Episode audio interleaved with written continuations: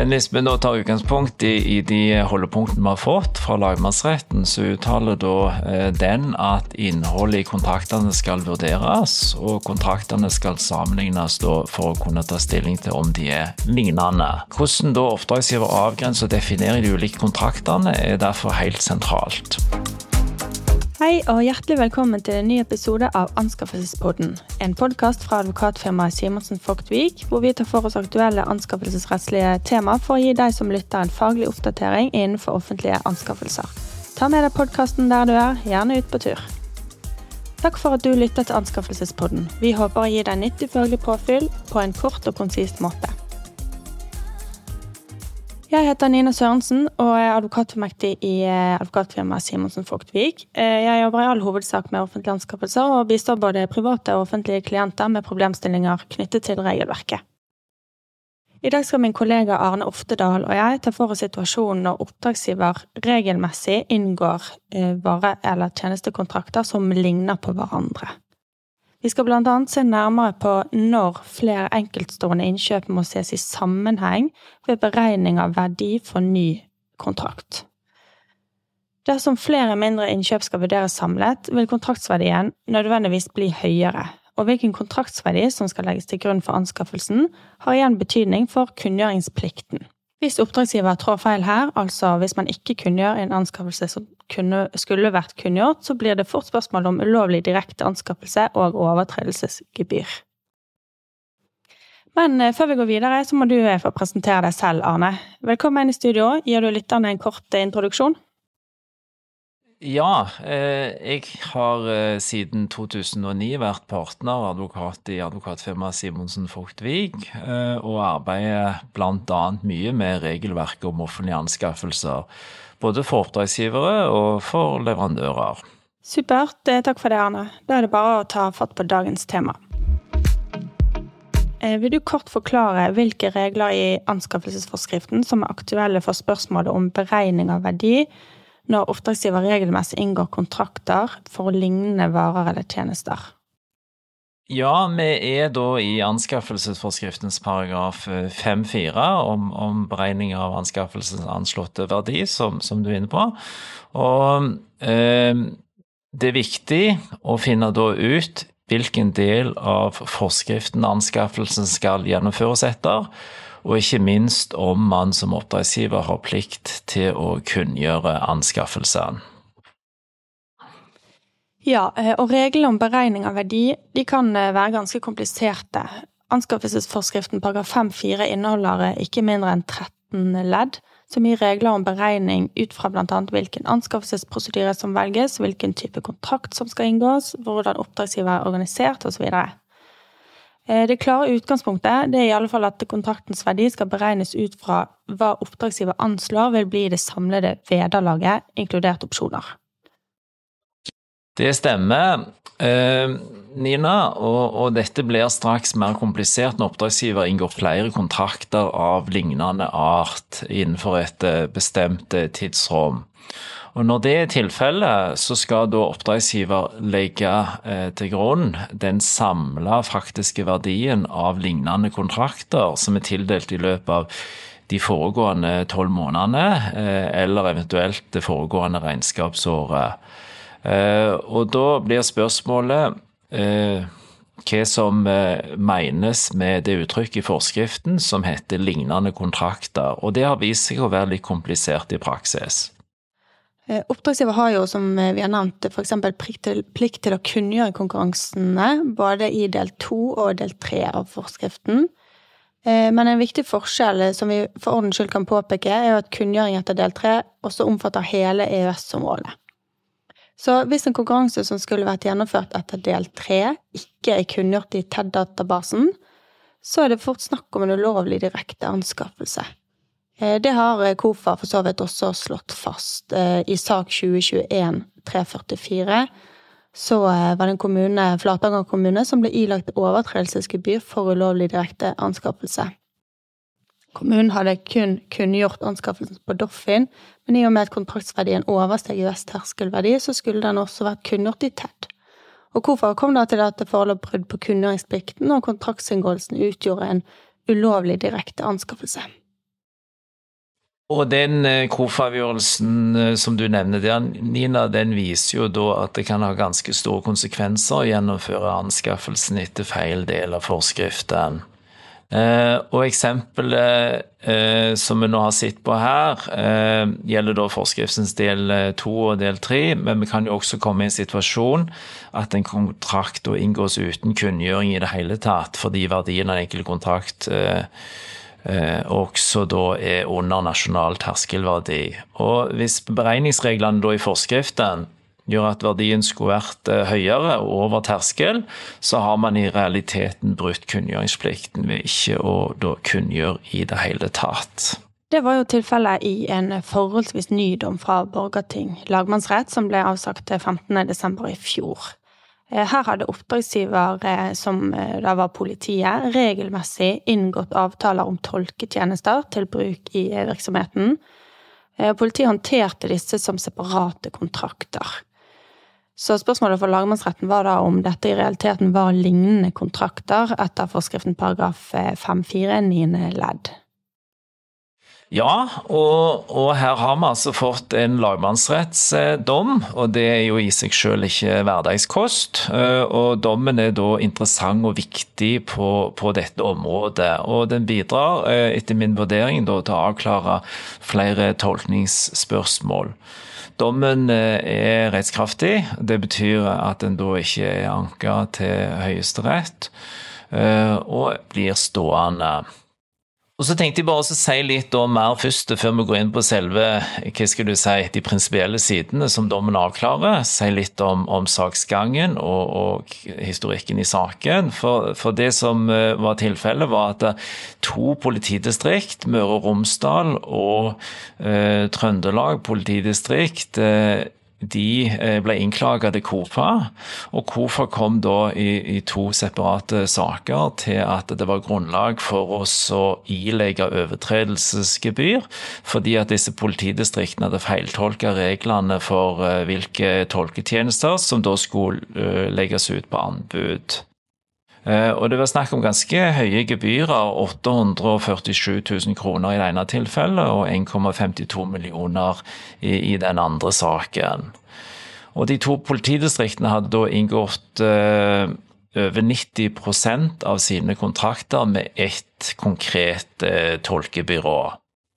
Det som da uh, skjedde, var at politiet de slo seg ikke til ro med de gebyrene de hadde fått fra KOFA, og brakte saken inn, ganske uvanlig, for Oslo tingrett, med påstand om at overtredelsesgebyrene var ulovlige. Og på den måten så saksøkte de KOFA. Og politiet fikk, eh, altså ved Justis- og beredskapsdepartementet, så fikk politiet da medhold i tingretten. Og det som da skjedde, var at KOFA anka saken til Borgarting lagmannsrett. Og det er jo den dommen vi skal se nærmere på nå. Det er vel litt uvanlig, Arne, egentlig at to statlige organ, i det, som i dette tilfellet, går til sak mot hverandre? Eller eh, at et statlig organ tar ut søksmål mot et annet statlig organ? Ja, jeg tror, jeg tror, mange tenker at det er uvanlig, og det er jo det. Eh, det, det er kanskje nesten litt oppsiktsvekkende, men, men eh, slik er det. Eh, for det at Utgangspunktet er jo at staten er staten. Staten er en juridisk person, så, så det er jo litt uvanlig at staten skal saksøke staten. Og utgangspunktet at Det går ikke, med mindre du da har en særskilt hjemmel for det. Og Det har vi da i anskaffelseslovens paragraf 12 sjette ledd. Eh, så eh, det er mulig, og, retten har da, eh, slik som det framgår av den bestemmelsen, full overprøvingsrett. Altså kan prøve alle sider av saken, og òg fatte da realitetsavgjørelse. I, i, den konkrete saken. Eksempelvis sette gebyret til et annet beløp enn det som KOFA kom fram til. Eller eh, si at gebyret ikke skal fastsettes i det hele tatt. Og vi vet jo at det ikke bare er politiet som kjøper tolketjenester, det gjør jo også eksempel domstolene. Um, og det er jo litt eh, interessant. Hva hvis domstolene ikke kjøper disse tjenestene på riktig måte? Betyr det at vi kan få en situasjon hvor Domstoladministrasjonen og KOFA uh, blir parter i en sak for domstolene? Og hvordan blir det i så fall med, med domstolenes uavhengighet, Arne? Ja, det kan bli mange interessante problemstillinger ut av dette. Men når det gjelder domstolene, så er ikke de omfattet av regelverket om offentlige anskaffelser. Eh, det framgår ikke eksplisitt, men, men eh, det framgår da av en tolkning av definisjonen i anskaffelsesforskriftens paragraf 1-2, som da angir hvilke oppdragsgivere som er omfattet. Uh, og det har nok en side til nettopp, som du er inne på, domstolens uavhengighet. Ja, eh, ok, Så domstolene de er da fristilt fra anskaffelsesregelverket og kan i prinsippet kjøpe inn det de har behov for, eh, på lik linje som en eh, privat aktør? Ja, det er for så vidt riktig. Samtidig så kan jeg nok mene det at det vil være god praksis også for domstolene å på en eller annen måte sørge for konkurranse om de tjenester som, som de kjøper inn, f.eks. tolketjenester. Og uten at uh, vi skal gå inn i domstolens innkjøpspraksis uh, for mye, så, så, så, så gløtter vi meg og deg litt på Domstoladministrasjonens nettsider. Uh, og det er da mulig, å, for den som ønsker det, å registrere seg i domstolenes elektroniske tolkebase. Og, og, det er òg angitt noen minstekrav der som må være oppfylt. Så Sånn sett så, så er det jo lagt opp til i alle fall en form for en kvalifikasjonsrunde.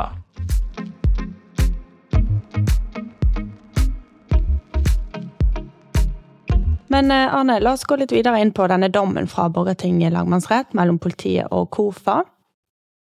En ting som eh, gjør dommen ekstra interessant, eller i hvert fall nyttig, er jo at det på tidspunktet da den ble avsagt, ikke fantes noen annen rettspraksis, eh, så vidt oss bekjente, verken i Norge eller i EU for øvrig, som ga noen avgjørende veiledning for hva som ligger i vilkåret lignende kontrakter.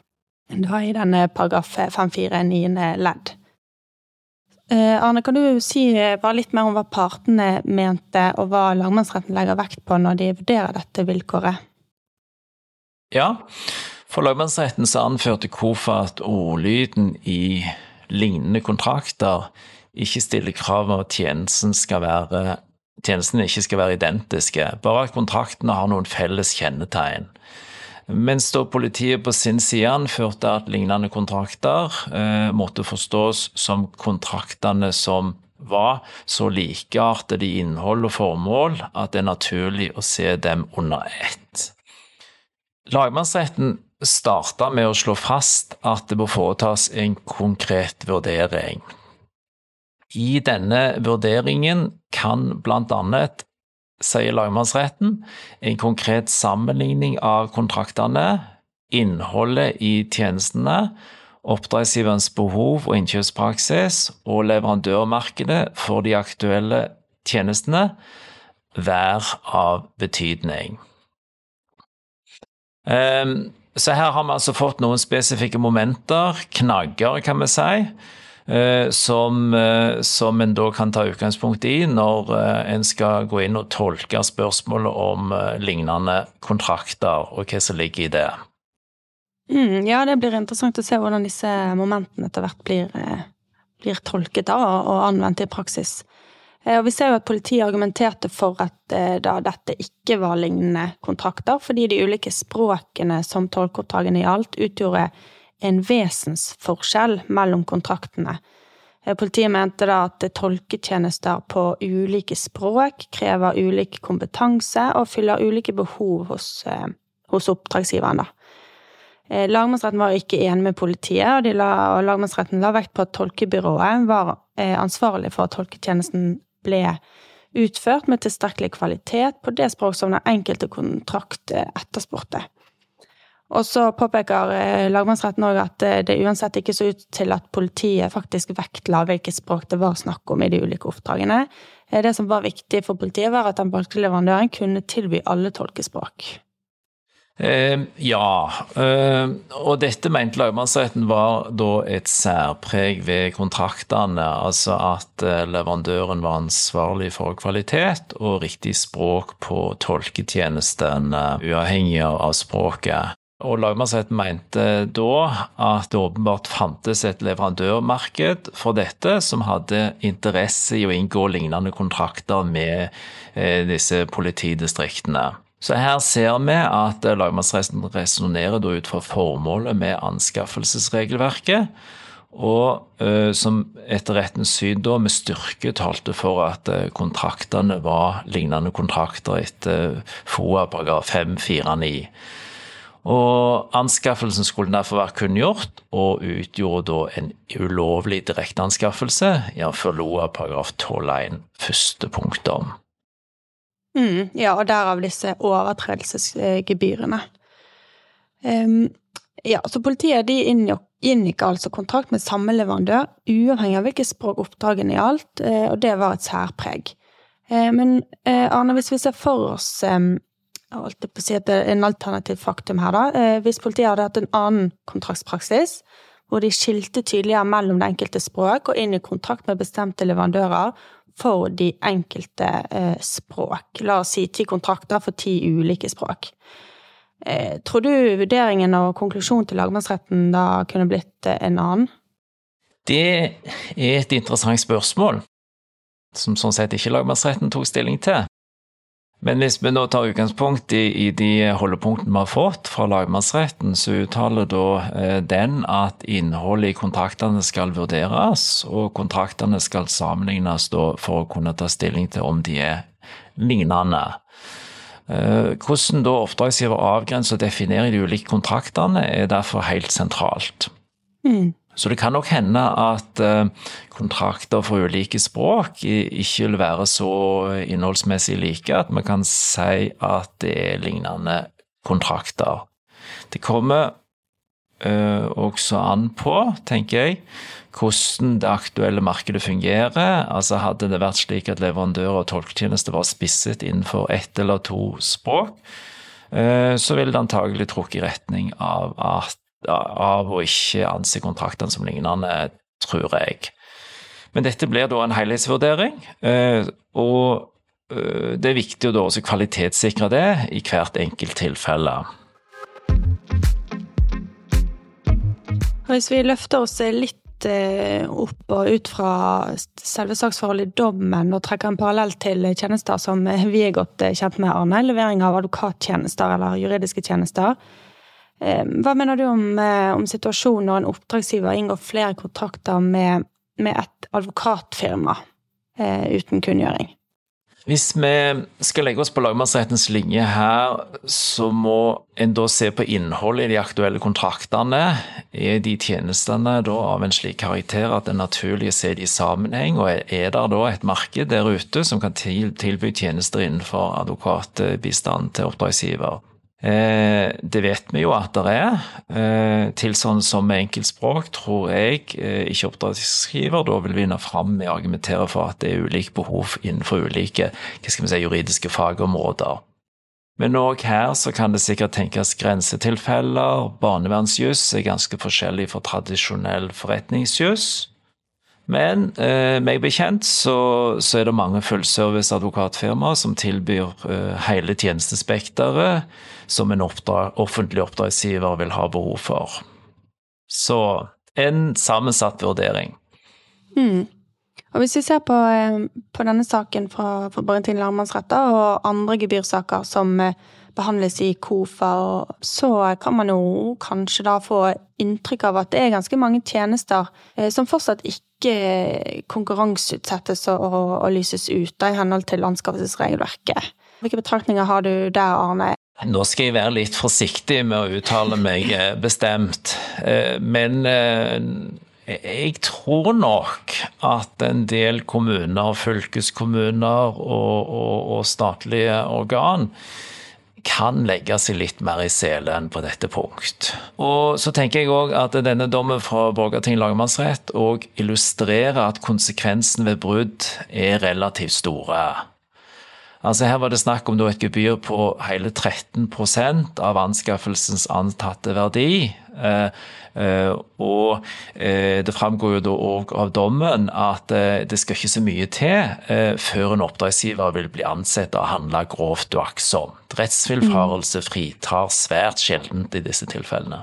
Ja, sant? så en argumentasjon der fra oppdragsgiver om at regelverket er vanskelig å forstå og anvende på deres eh, sakstilfelle, det, det skal litt til for å bli hørt med.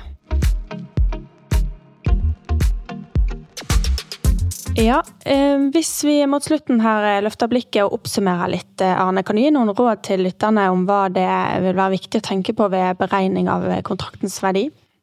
Det kan jeg forsøke å gjøre. Jeg tror de fleste oppdragsgivere har et bevisst forhold til at kontraktenes verdi må anslås og estimeres i forbindelse med en anskaffelse. Men jeg er litt usikker på om oppdragsgivere er oppmerksom på at det man internt håndterer av enkeltstående kontrakter, i realiteten er kontrakter som er så like at de må ses i sammenheng. Mm. I utgangspunktet så, så, skal da alle driftsenheter hos oppdragsgiver ses under ett, og det kan være utfordrende å ha oversikt over en stor organisasjon. Eh, så det er viktig å etablere gode rutiner hos oppdragsgiver. Det er kun dersom en egen driftsenhet er ansvarlig for sine egne anskaffelser eller visse kategorier anskaffelser, at denne kan ses for seg. Ja, så eh, jo større organisasjonen er, jo større risiko er det kanskje for at, eh, for at det begås feil på dette punktet, da, Arne? Eh, vel, eh, da tror jeg at vi fort er inne på administrativt eh, nivå. Eh, og det er jo veldig varierende hva slags innkjøpspolicy og hvilke fullmakter de ulike organisasjonene opererer med. Men eh, i alle tilfeller, tenker jeg, så bør, sørge, bør de sørge for å få oversikt over hvem som kjøper hva, og hvor i organisasjonen. Rent geografisk Eh, og om det da er behov for lignende varer eller tjenester. Mm, ja, og man kan jo få mange gevinster ut av en sånn eh, intern prosess eh, som du, som du nevner der, Arne. Ikke bare redusere risikoen for brudd på anskaffelsesregelverket og kunngjøringsreglene der, som vi har snakket om, men man kan jo også oppnå en effektivisering av innkjøpene, som igjen kan gi økonomiske besparelser. Da nærmer vi oss dessverre slutten eh, her, Arne. Eh, vi har altså sett på hvilke regler som gjelder for beregning av kontraktsverdi når oppdragsgiveren regelmessig inngår lignende eh, kontrakter. Ja, og det jeg mener er viktig å ta med seg videre her, er for det første det overordna fokuset på anskaffelsespraksis og kontraktstrategi internt i organisasjonen hos oppdragsgiver. Og mer konkret de vurderingsmomentene som Borgarting lagmannsrett har stilt opp for de eh, tilfellene der oppdragsgiver lurer på om de aktuelle kontraktene faktisk kan håndteres separat, eller om de må ses i sammenheng når eh, en skal gjøre en ny anskaffelse og angi kontraktsverdien.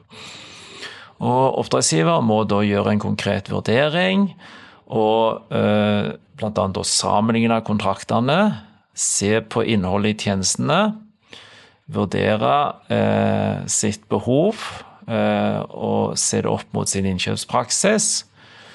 Og eh, analysere leverandørmarkedet for de aktuelle tjenestene. Nå har vi for det meste sett dette fra oppdragsgivers eh, perspektiv, men eh, er det noe du vil si at leverandørene kan notere seg eh, ut fra det vi har vært gjennom her nå?